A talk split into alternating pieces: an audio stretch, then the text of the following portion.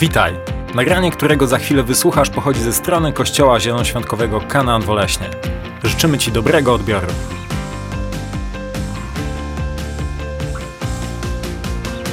Dzisiaj chciałem powiedzieć na temat dla mnie, bo my, myślę, że to będzie bardzo dobre kazanie, na temat tego, że kontekst określa znaczenie. Kontekst określa znaczenie. To znaczy, jest taka zasada w komunikacji, że możesz y, rozmawiać o pewnych rzeczach i tobie się wydaje, że rozmawiacie o tym samym, ale macie na myśli zupełnie dwie różne rzeczy.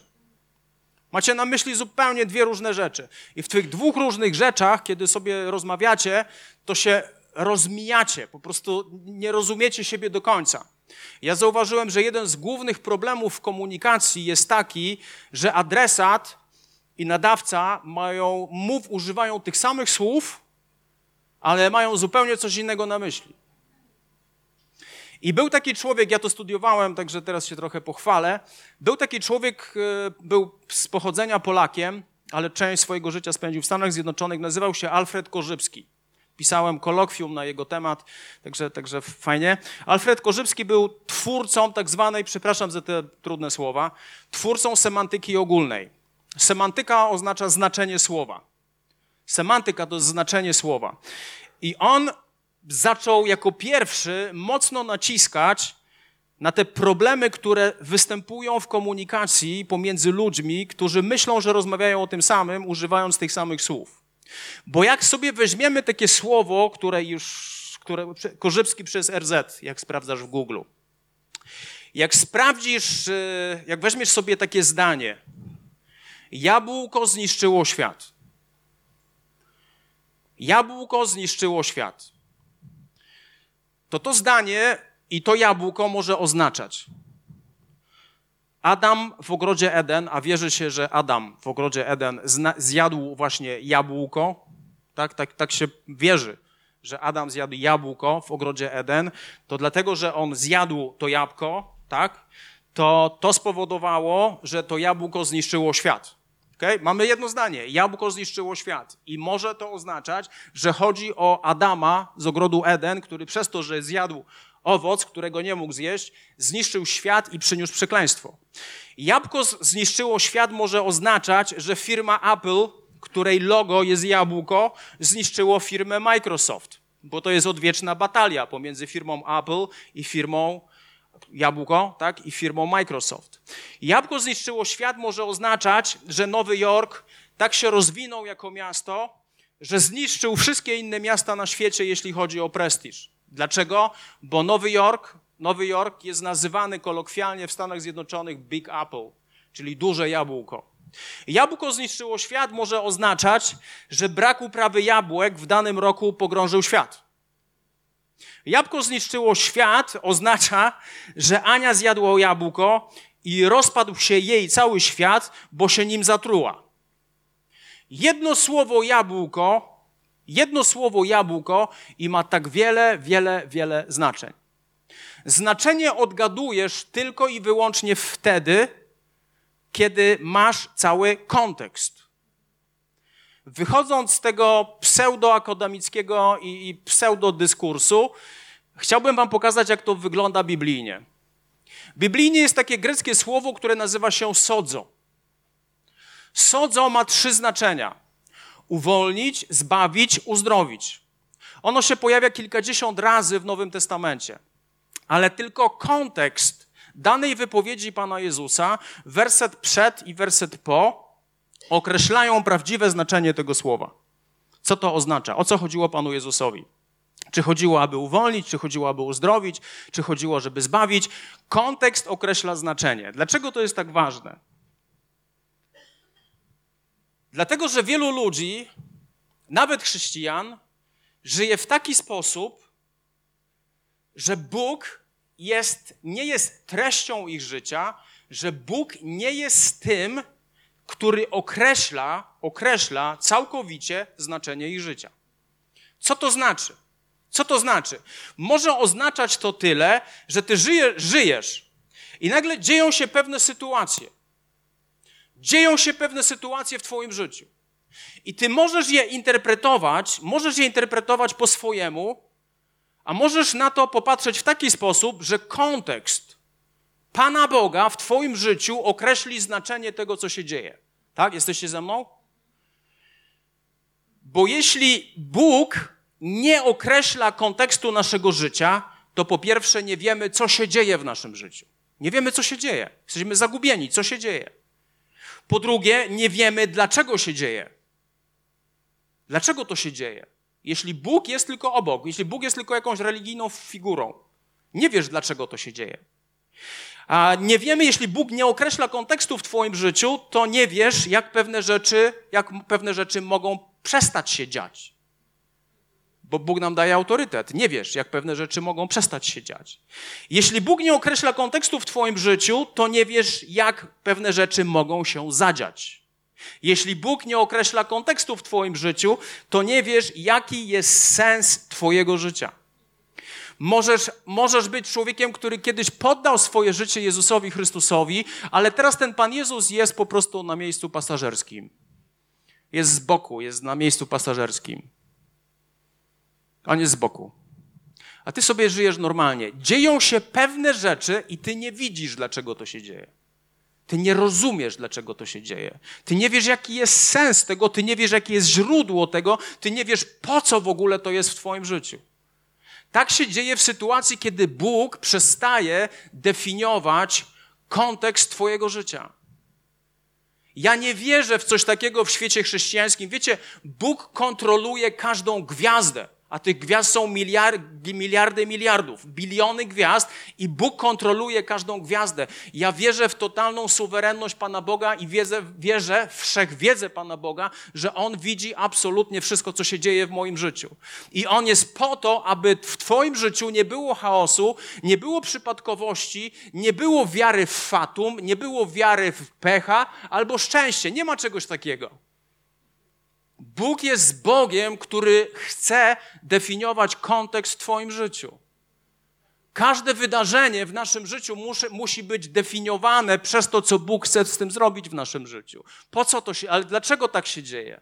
Ale dlaczego te, muszę się zatrzymać i muszę spytać Boga, Boże, dlaczego to się dzieje? Być może ja się pogubiłem, być może, być może to czy tamto. Wiecie, kiedy żyjesz ze świadomością tego, że Bóg określa znaczenie, kiedy żyjesz ze świadomością tego, że Bóg jest tym, który tłumaczy kontekst w Twoim życiu, zaczynasz nawet w życiu innych ludzi widzieć pewne sytuacje, dlaczego one się dzieją. Ci ludzie bardzo często, dlatego że Bóg nie jest treścią ich życia, oni tego nie rozumieją, co się dzieje w ich życiu. Oni tego nie rozumieją, a oni po prostu funkcjonują w pewnych Bożych prawach, które pojawiły się w ich życiu. Tak? Nie, nie, nie, rozumiecie mnie?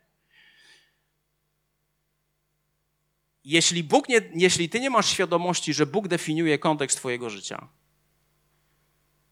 to jesteś zdany na racjonalność, przypadkowość, koincydencję, czyli zbiegi okoliczności, pecha, fuksa, szczęście, nieszczęście, fatum i tak dalej, i tak dalej. Bóg chce, to jest niesamowicie istotna rzecz. Bóg chce być Bogiem, który nadaje kontekst w Twoim życiu i tłumaczy kontekst w Twoim życiu. Czy Ty myślisz, że to, że ja rąbnąłem w głowę, czy Ty myślisz to, że Tymon choruje? Czy Ty myślisz, że wiele rzeczy, które się dzieją, że to jest przypadek? Czy to jest przypadek? Czy to jest przypadek? Absolutnie, to jest żaden przypadek.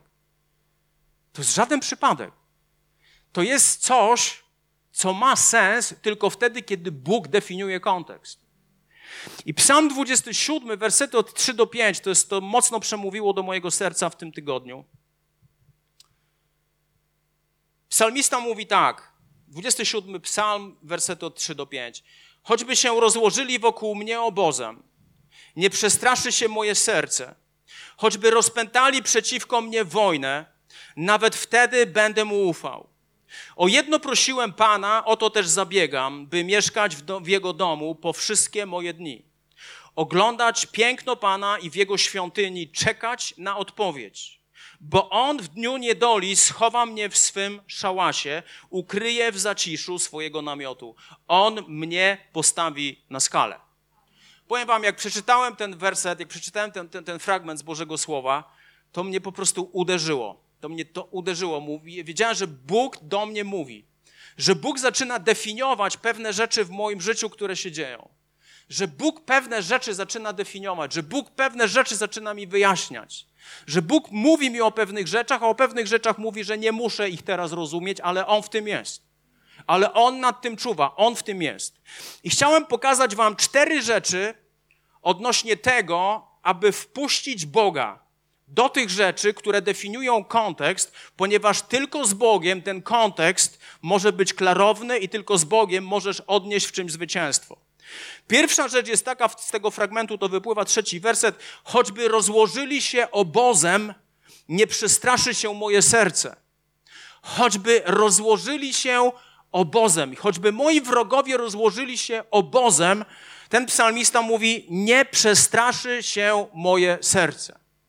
Niesamowicie istotne jest, zrozumienie tego, że kiedy pojawia się strach w Twoim życiu, ten strach musisz, musisz pozwolić Bogu, aby On zdefiniował kontekst tego wersetu, bo On Cię przez to przeprowadzi.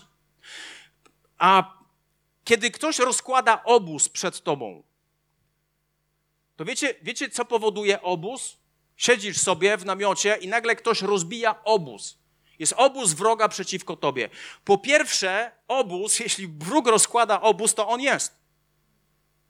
On po prostu jest, to jest fakt. On jest. To nie jest wymyślona rzecz, on jest. Jakaś diagnoza choroby, ona jest. Ona nie zniknie, ona jest. Dalej Biblia mówi o tym, że ten, yy, znaczy Biblia, tak to wygląda. Specyfika obozu jest taka, że po pierwsze on jest, po drugie on jest tutaj na dłużej z tobą. On nie jest na chwilę. Wiecie, my żyjemy w świecie instant. Żyjemy w świecie fast foodów. Żyjemy w świecie McDonalda. Wszystko dzieje się szybko, ale pewne rzeczy zabierają czas. I kiedy wróg rozkłada obóz przeciwko tobie, to uwierz mi, że ta walka nie będzie trwała pięć dni. Ale to będzie coś, co będzie trwało dłuższy czas. Bo obóz, kiedy ktoś ustanawia obóz, on będzie z tobą przez dłuższy czas. Obóz, specyfika obozu jest taka, że on jest rano, on jest wieczorem. Obóz przemawia do ciebie, ludzie z tego obozu przemawiają do ciebie, siejąc strach. Obóz jest widoczny, nawet jego wygląd cię przeraża, że czeka wróg na ciebie.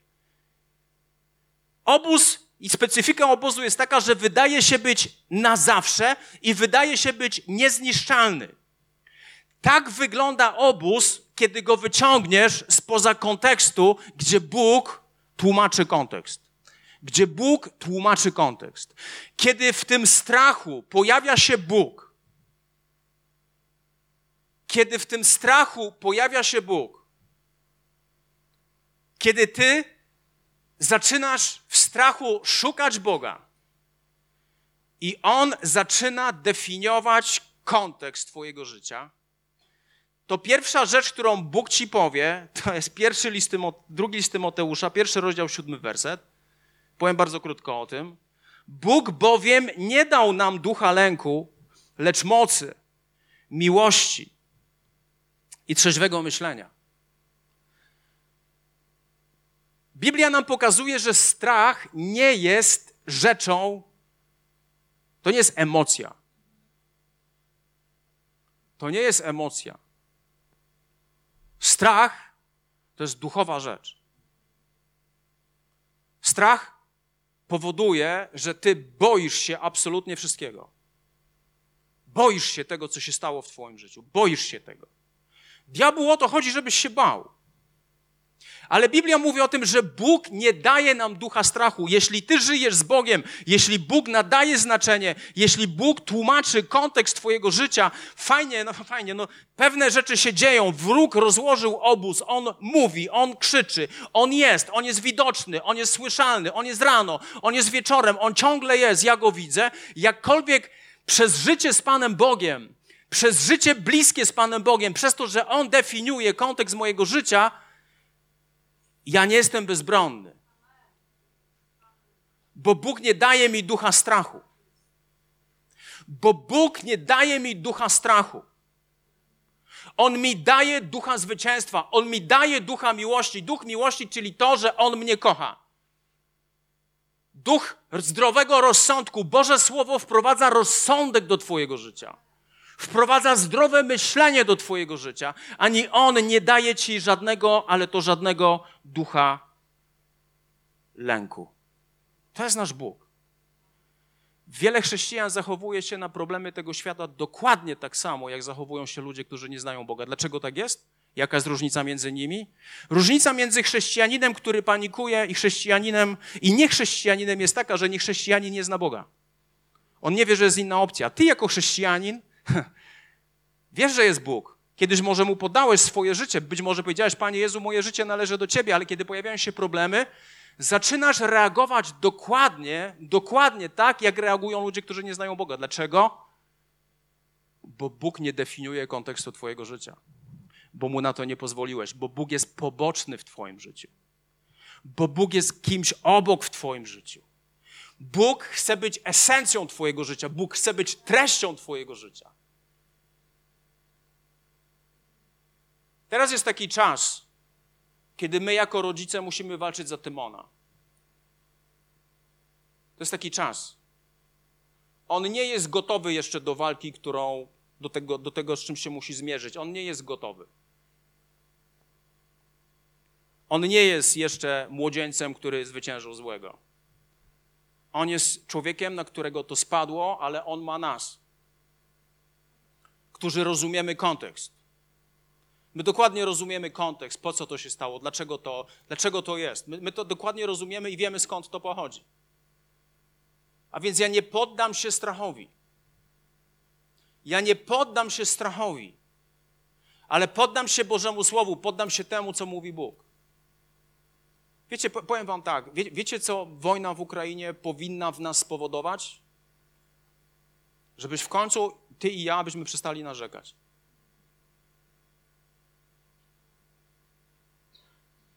Żebyśmy przestali narzekać.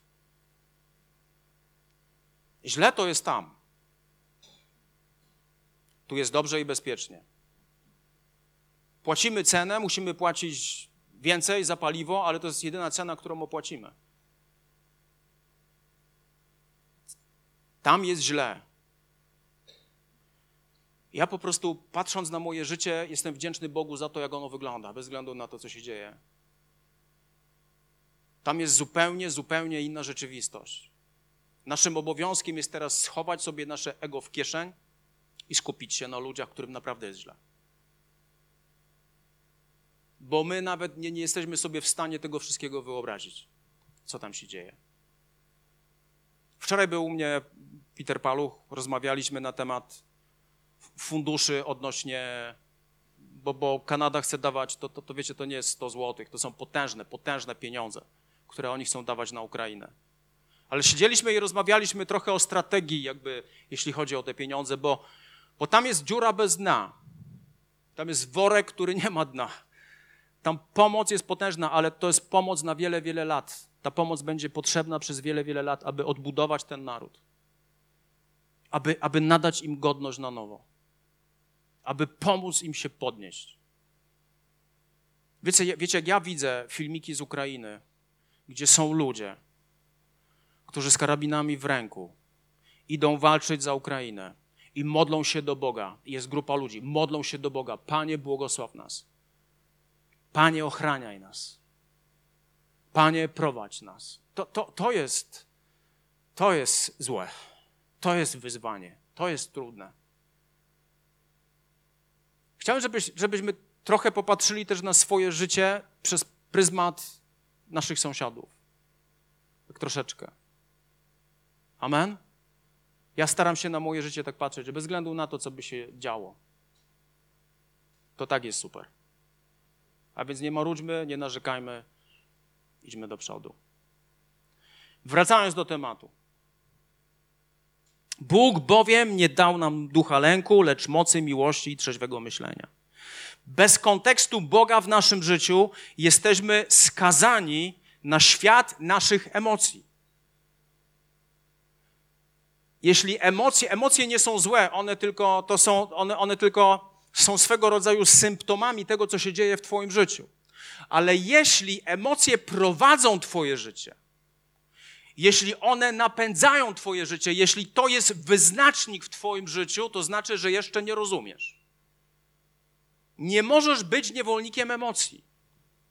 Nie możesz być niewolnikiem emocji. Jedyna emocja, na którą możesz sobie pozwolić w swoim życiu, o której, o, o której, mówi Biblia, radujcie się, powiadam wam, radujcie się. Mówi Paweł w liście do Filipian, list pisany z więzienia. Abyśmy mieli radość, to jest, to jest emocja, która da nam siłę, która da nam witalność, ale nie bądź człowiekiem, który jest poddany swoim emocjom, poddany smutkowi, poddany, nie miej fochów, miej właściwą postawę. Nie poddawaj się swoim emocjom. Nie poddawaj się swoim emocjom.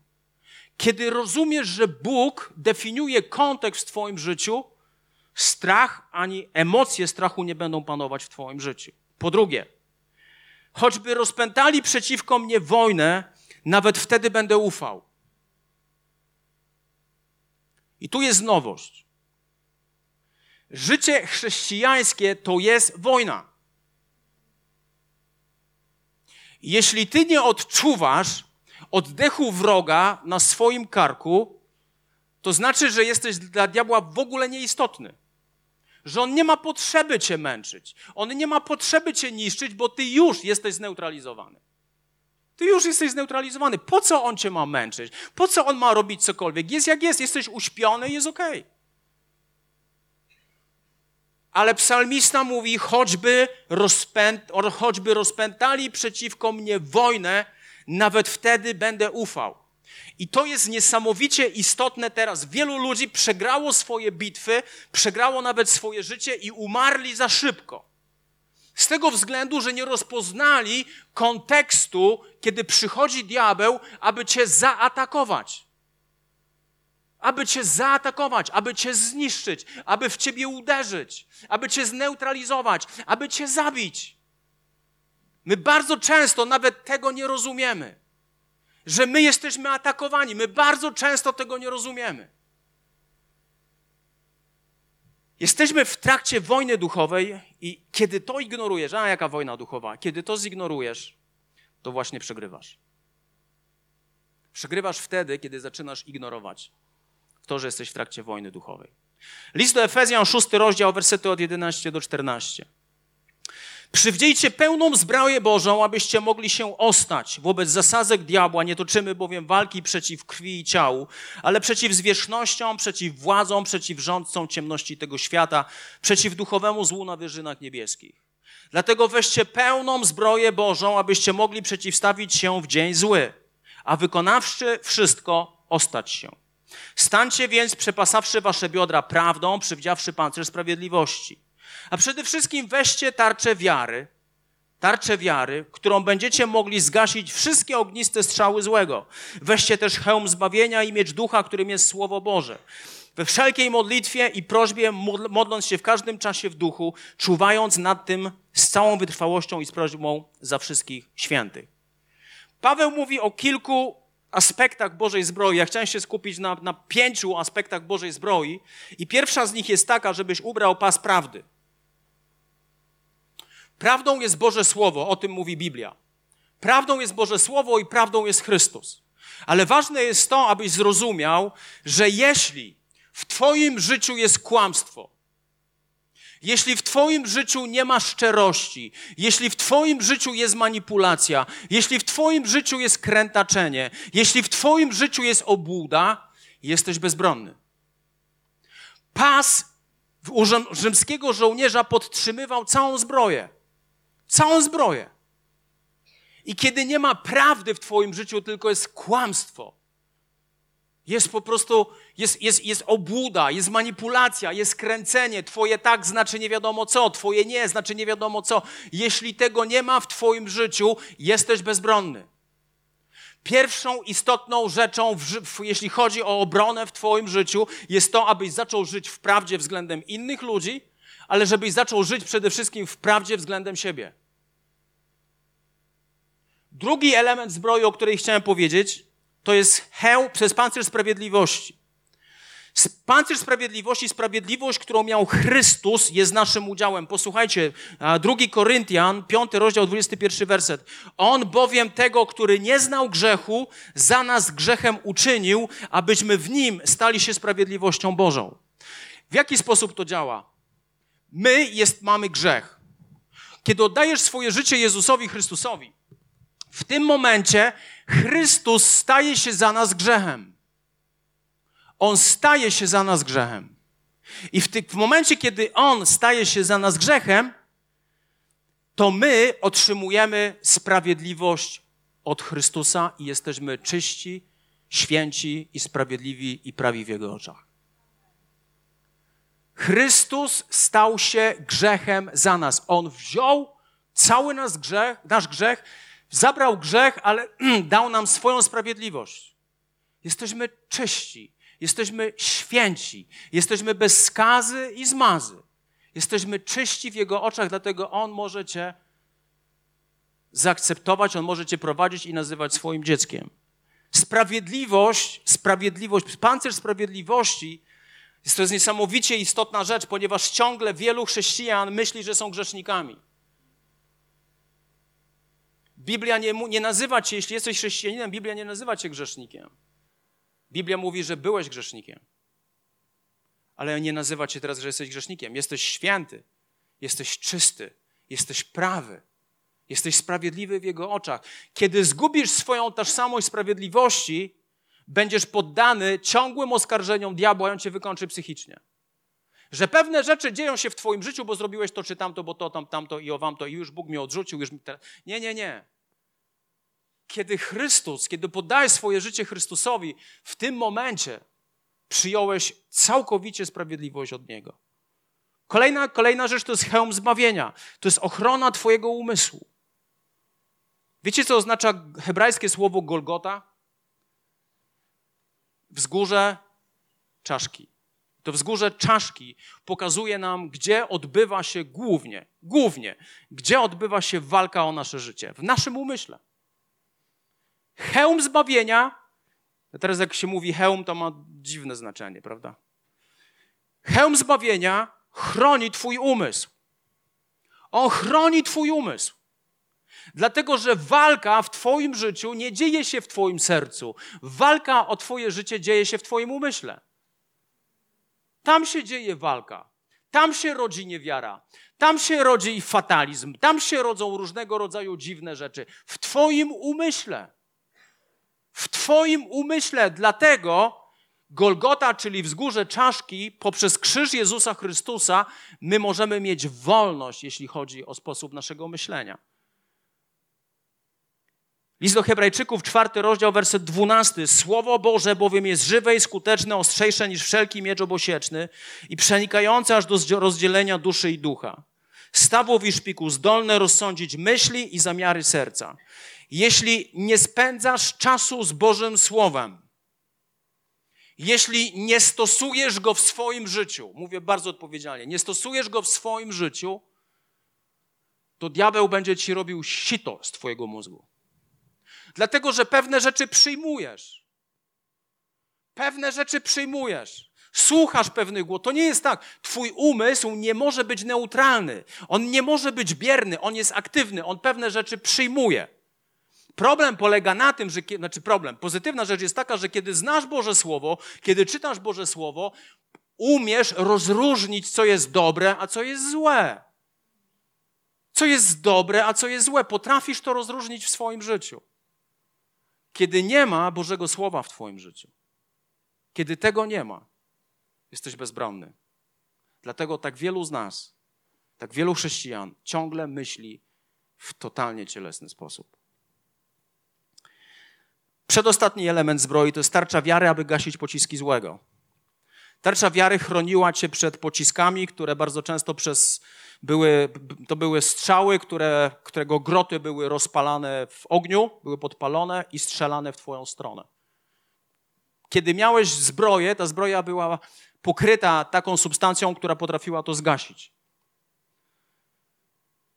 O co chodzi? Tak na nasz język. Tarcza wiary to jest nic innego jak Boże obietnice w Twoim życiu. jak Boże Słowo w Twoim życiu. Wtedy uczysz się reagować w taki sposób, że wróg uderza w ciebie, ale ty masz tarczę wiary, ty wiesz, co Bóg mówi. Ty wiesz, co Bóg mówi do tej sytuacji. Ty wiesz, co On mówi do tej sytuacji. Ty wiesz, co On mówi. Potrafisz to skontrować, potrafisz to skonfrontować. Nie możesz pozwolić, aby bieg życia cię prowadził. Ciągle i ciągle musisz wpuszczać do swojego kontekstu Pana Boga, który definiuje Twój kontekst. Który definiuje Twój kontekst. Kiedy ja jestem atakowany, to w tym momencie, kiedy Bóg definiuje mój kontekst, to Bóg będzie mi mówił, co ja mam robić dalej. Ja zrozumiem, jestem atakowany, muszę zacząć żyć inaczej. Wiecie, rozmawiałem z jakimś chrześcijaninem niedawno, on mówi: No, no, przychodzę taki ciężki czas, muszę to przetrwać. Ja mówię: Jak przetrwać? Przed, jak przetrwać? To nie chodzi o to, żebyś ty przetrwał. Czekamy, czas goi rany, czas jest naszym lekarzem. To w ogóle nie o to chodzi. Nie chodzi o to, żebyś przetrwał.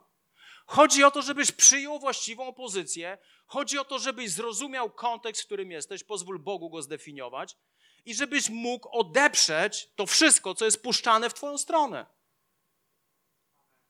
Ciągle i ciągle diabeł wypuszcza jedną strzałę, że to już jest koniec. To już jest koniec. Tego się nie zmieni. To małżeństwo zawsze będzie do bani. Ja już nigdy się nie zmienię. To będzie do bani, to będzie złe, to już się nie skończy. Chcę ci coś powiedzieć. Boga wpuść do tej historii. Bo dopóki żyjesz, to nie ma końca. On definiuje koniec, a nie ty. On mówi, kiedy jest koniec, a nie ty. Ani nie twoje emocje, ani nie twoje okoliczności. I ostatnia rzecz to jest miecz ducha, którym jest Słowo Boże. Ciągle niedoceniane narzędzie, które, broń, którą daje nam Bóg. W moim życiu przychodzi zwycięstwo głównie dlatego, że biorę miecz ducha, którym jest Słowo Boże. Co to oznacza? Wiele razy o tym mówiłem, powiem jeszcze raz. Greckie, greckie słowo oznaczające Słowo Boże to są, to, są dwa, to są dwa znaczenia. Po pierwsze jest to słowo logos, określa całkowitą Bożą wolę, a po drugie jest to słowo rema, czyli słowo wypowiedziane do danej sytuacji, w której ja jestem. Kiedy jesteś atakowany, potrzebujesz słowa rema, aby skonfrontować to, w czym ty jesteś. Powiem ci tak, im dalej idziesz z Bogiem, im dalej idziesz z Bogiem, im dalej idziesz z Bogiem, tym więcej walk przed tobą. Bóg nie chce cię przepuścić przez jak, jakąś, jakiś sezon. Bóg chce, abyś odniósł zwycięstwo, abyś mógł pójść dalej. Dlatego jedni ludzie zasuwają do przodu, a inni ludzie stoją w miejscu. Miecz ducha, którym jest Boże Słowo. Kolejna rzecz jest taka: o jedno prosiłem Pana i o to zabiegam. To jest niesamowite. Jest wróg, jest obóz, a psalmista mówi: OK, OK, jest obóz, jest wróg, grozi mi to, że za chwilę mogę przestać istnieć, ale on mówi: O jedno prosiłem i o to zabiegam. Co to oznacza? Nie zrezygnowałem z przeznaczenia w moim życiu. Nie zrezygnowałem z celu w moim życiu. Nie poddałem się w moim przeznaczeniu. Nie poddałem się wizji, którą Boże włożyłeś do mojego serca. Ja się nie poddaję. Ja idę dalej. Jest wojna, jest obóz, jest wróg, ale ja idę dalej. O to zabiegam. Idę dalej. Wiele ludzi żyje zupełnie bez sensu. Żyje w oparciu o wszystkim sami decydujemy. O wszystkim sami decydujemy. Sami podejmujemy decyzje. Sami decydujemy, co robimy z tym, co nasze. Sami. My wiemy, my jesteśmy panami wszystkiego. Pozwól Bogu zdefiniować cel i przeznaczenie w Twoim życiu. O co Ty zabiegasz? O co Ty zabiegasz? O co Ty zabiegasz? No, żeby wychować dobrze dzieci. Życzę Ci powodzenia o własnych siłach. Życzę Ci powodzenia o własnych siłach, wychować dobrze dzieci. Życzę Ci powodzenia. No, moim celem jest być dobrym mężem, bo dobrą żoną. To, nie jest Twój cel, to jest Twój obowiązek. A moim, moim przeznaczeniem jest pracować i zarabiać pieniądze dla rodziny. To jest Twój obowiązek. Co robisz z przeznaczeniem dla Twojego życia? O co Ty zabiegasz? Gdzie jest Twoje serce? Gdzie jest Twoje serce? O co Ty zabiegasz? O co Ty zabiegasz? Wiecie, powiem zupełnie szczerze. Ilekroć się modlę, widzę drabinkę, którą Bóg ustanawia w moim życiu, o, o co mam się modlić. Na pierwszym miejscu jest 700 miast. Zawsze to widzę. Bóg, wie, wiem, że Bóg mówi o to zabiegaj, tego szukaj, ja się zatroszczę, tego szukaj. To jest w moim sercu, aby powstało 700 kościołów w Polsce. To jest, to jest moje przeznaczenie. To jest, to jest moje przeznaczenie. Bóg chce, abym ja zmarnował w cudzysłowie moje życie właśnie dlatego. Druga rzecz to jest Kościół Kanaan. To są ludzie w Kościele Kanaan. To jest druga rzecz, o którą się modlę. O to zabiegam. I trzecia rzecz, na trzecim miejscu jest budynek. Dlatego, że budynek nigdy nie może przeskoczyć na pierwsze miejsce. Budynek nigdy nie może przeskoczyć na drugie miejsce, ani na, bo budynek powinien być na trzecim miejscu. I powiem Ci, na czwartym miejscu jest moje życie. Mówię przed Bogiem. Bóg wie, jak jest. Takie są priorytety w moim życiu. Takie są priorytety w moim życiu. O to zabiegam. Zadaj sobie pytanie, o co Ty zabiegasz? O co Ty zabiegasz? Po co Ty w ogóle żyjesz? Jaki jest cel w Twoim życiu?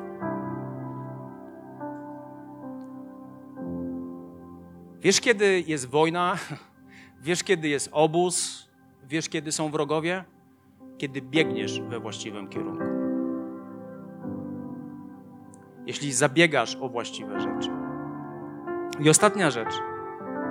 Psalmista mówi: W jego świątyni czekać na odpowiedź. Oto zabiegam, aby w jego świątyni czekać na odpowiedź. I po 25 latach chrześcijaństwa nauczyłem się jednej rzeczy to nigdy nie jest tak, jak ja chcę. Powiem Wam, spora część moich modlitw polega na tym, że ja Bogu mówię, jak On ma to zrobić. Myślę, że Bóg jest niesamowicie zainteresowany tą treścią mojej modlitwy. Panie Boże, gdybyś zrobił to, gdybyś poruszył tego i tego i tego i tego i tego i tego, to, to, to by wyszło. Ja mam gotowe plany dla Pana Boga, no Bóg się nie podpina. I coś Wam powiem.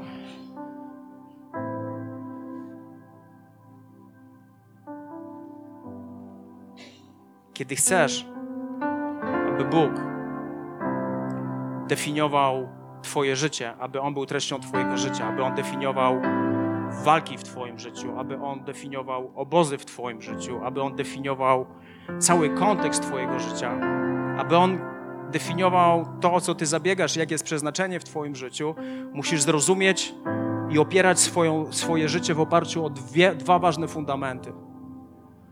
Psalm 138, werset drugi mówi tak.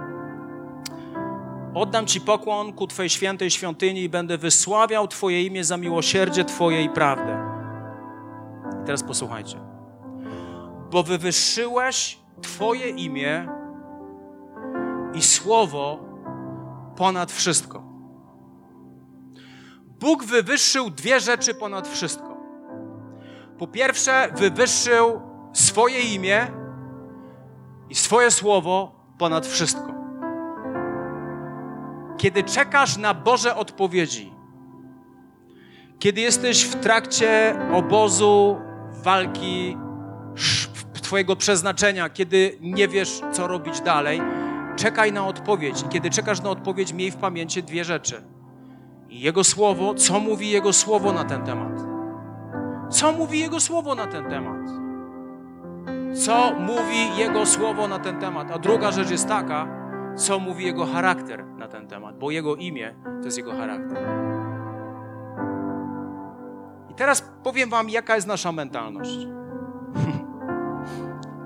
To, to, nie, to, rozbawiło. Ewangelia Marka, 8 rozdział, werset 22, 26 werset. Tak przybyli do Betsaidy. Wówczas przyprowadzili mu niewidomego. Niewidomy to jest człowiek, który nie widzi. I prosili, aby Chrystus go dotknął. Uj, proste.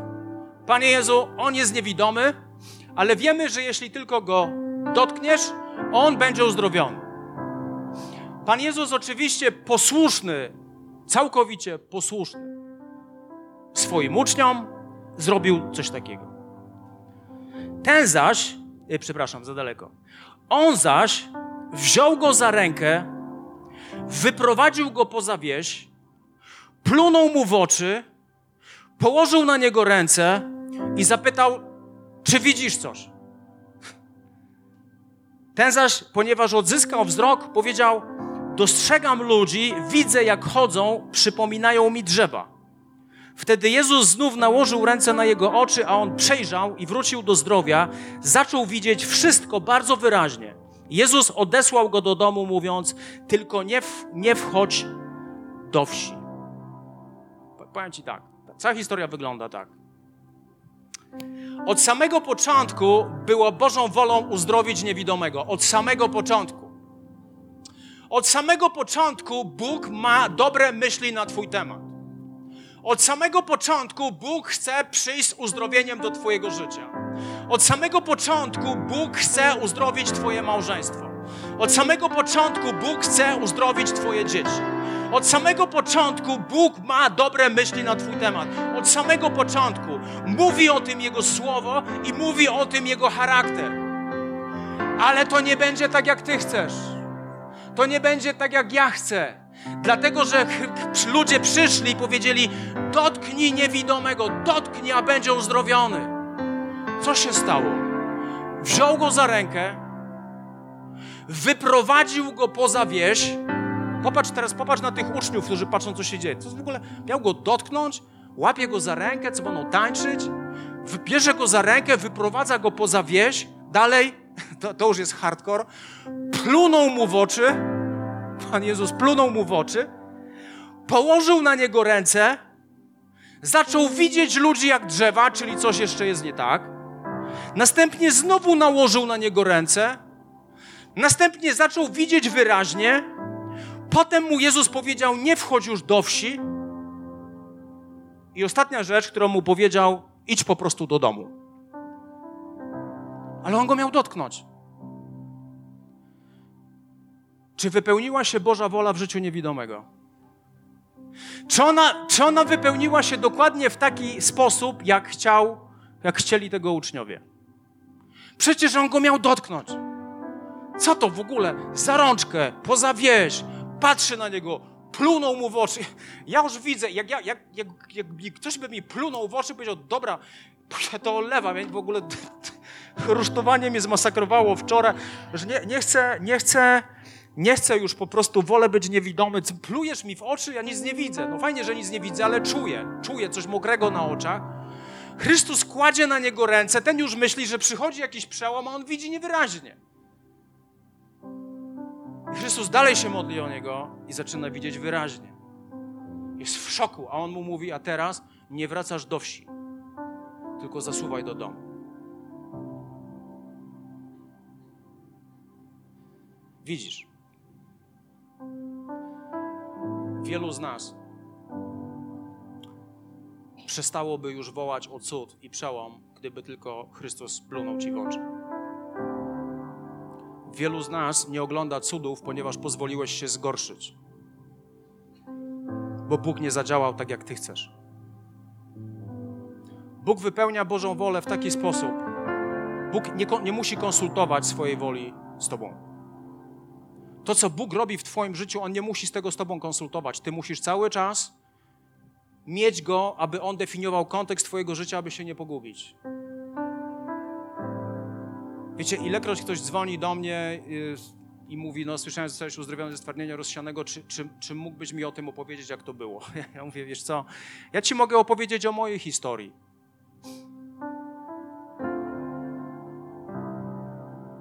Ale to, jak Bóg zadziała w Twoim życiu, to są dwie różne rzeczy. Bóg jest Bogiem. Widzisz, pełnia tego, że Bóg jest treścią w Twoim życiu. Pełnia polega na tym, że ufasz Mu całkowicie.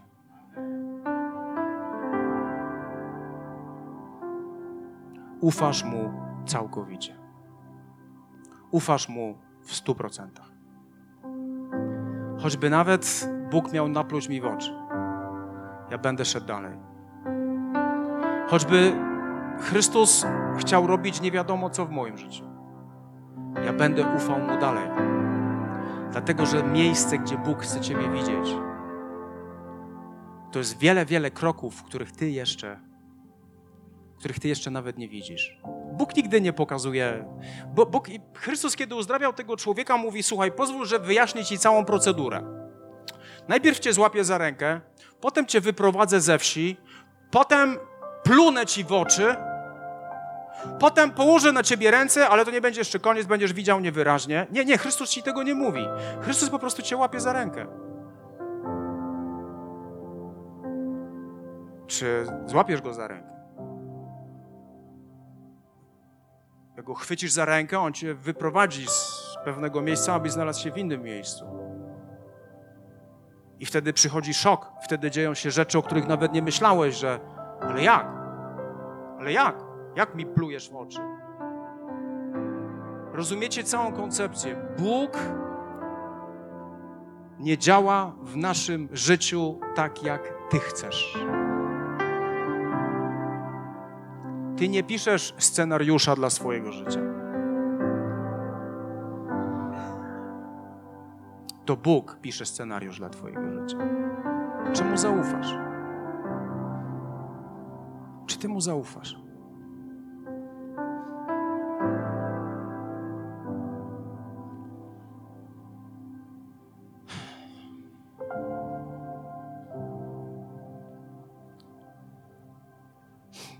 List do Kolosan, już kończę.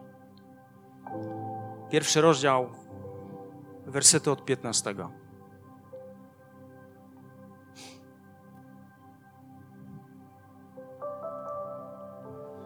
On jest obrazem niewidzialnego Boga, praprzyczyną wszelkiego stworzenia, ponieważ w nim zostało stworzone wszystko w niebie i na ziemi to co widzialne i niewidzialne, trony oraz rządy, zwierzchności i władze, wszystko zaistniało przez Niego i dla Niego.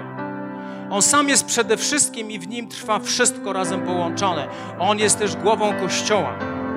Głową ciała, głową Kościoła. On jest początkiem, pierwszym zmartwychwstałym, aby we wszystkim mieć rangę pierwszeństwa, gdyż w Nim cała pełnia zechciała zamieszkać i przez Niego pojednać ze sobą wszystko na ziemi i w niebie. Dzięki wprowadzeniu pokoju za cenę krwi przelanej przez Niego na krzyżu. List do Kolosan w majestatyczny sposób ogłasza jedną rzecz.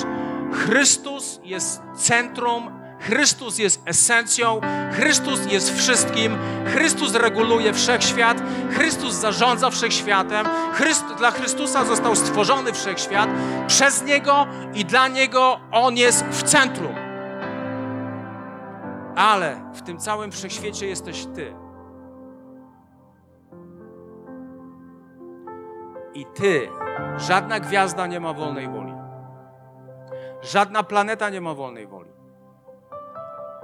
Ale jest jedna istota na Ziemi stworzona przez Boga na Jego obraz i podobieństwo, która ma wolną wolę. I to jesteś Ty.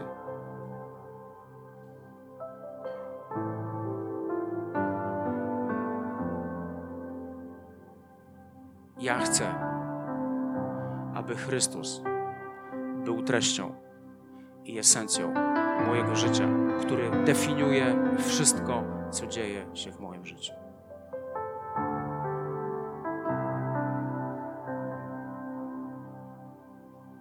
Czy pozwolisz Bogu definiować kontekst całego Twojego życia? Czy pozwolisz Bogu? Czy zaufasz Bogu, że to, co On robi, kiedy Ty Mu ufasz, że to się dobrze skończy? Czy Mu zaufasz? Chciałbym, abyśmy wszyscy powstali.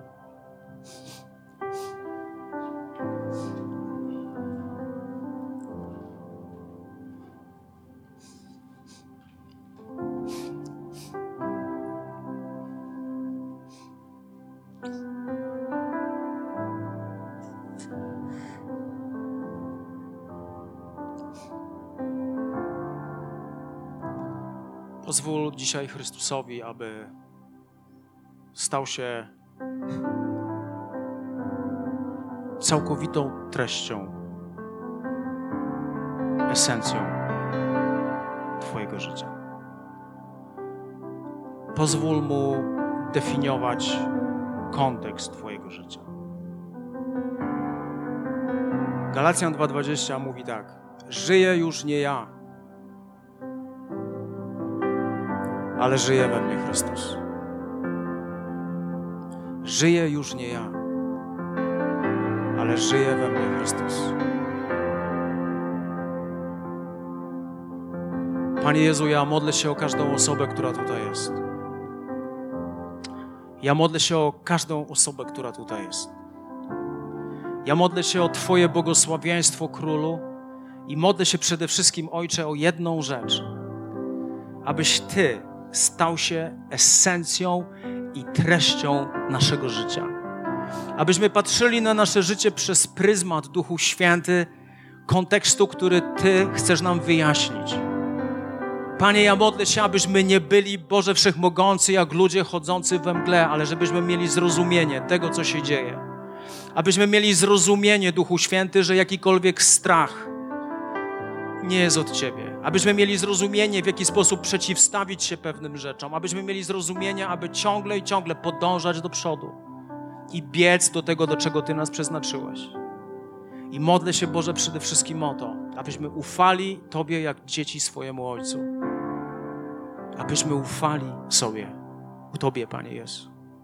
Aby nasze zaufanie było całkowicie w Tobie. Być może jesteś w tym miejscu po raz pierwszy, drugi, nie wiem.